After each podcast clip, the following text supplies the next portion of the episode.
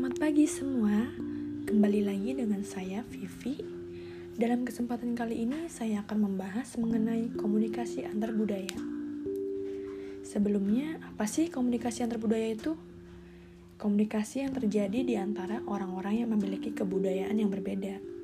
Bisa dari beda ras, etnik, atau sosial ekonomi. Komunikasi antar budaya itu dilakukan dengan negosiasi untuk melibatkan manusia dalam pertemuan antar budaya yang membahas satu tema.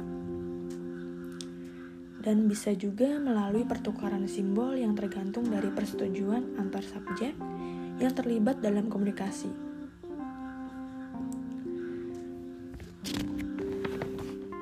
Nah, hasil dari komunikasi budaya itu apa saja sih yang terjadi?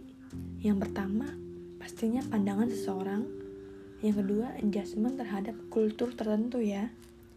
Dan adjustment ini itu terjadi di Indonesia loh teman-teman.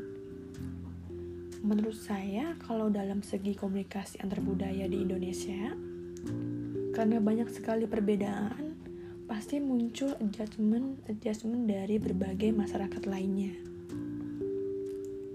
Contohnya seperti masyarakat Jawa yang memiliki bahasa tradisional yang dikenal dan mungkin lebih mudah dipahami atau bisa diulik kembali. Adapun persepsi orang lain seperti orang Batak itu punya bahasa yang lebih kasar mungkin atau bahasa Sunda yang lebih halus. Mungkin dari perbedaan-perbedaan bahasa tersebut yang membuat orang bisa menjudgment perbedaan bahasa yang ada. Dari perbedaan bahasa juga terdapat hambatan dalam komunikasi. Apa saja sih hambatan komunikasi antar budaya itu?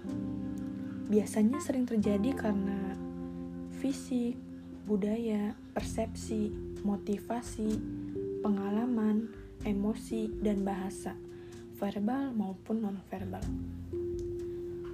Untuk itu, kita harus mengatasi hambatan tersebut dengan cara Pertama, gunakan umpan balik atau feedback. Pahami perbedaan individu atau kompleksitas individu dengan baik. Gunakan komunikasi langsung, face to face. Dan juga gunakan bahasa yang sederhana dan mudah.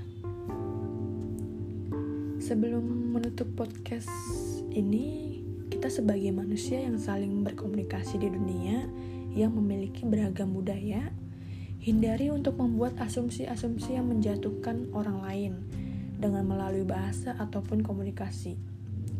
Selain itu, hindari menghakimi karena semua orang mempunyai budaya yang berbeda dan saling menghargai dan harus saling menghargai dan menerima perbedaan. Terima kasih sudah menemani podcast saya hari ini. Selamat beraktivitas.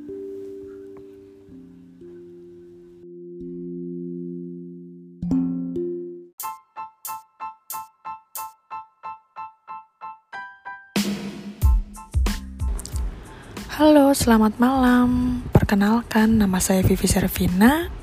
Biasa dipanggil Vivi. Saya lahir di kota Cirebon.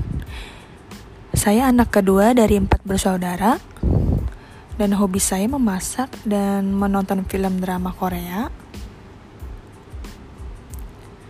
Saat ini saya tinggal di Jakarta Barat, khususnya di daerah Tomang, yang dekat dengan Taman Anggrek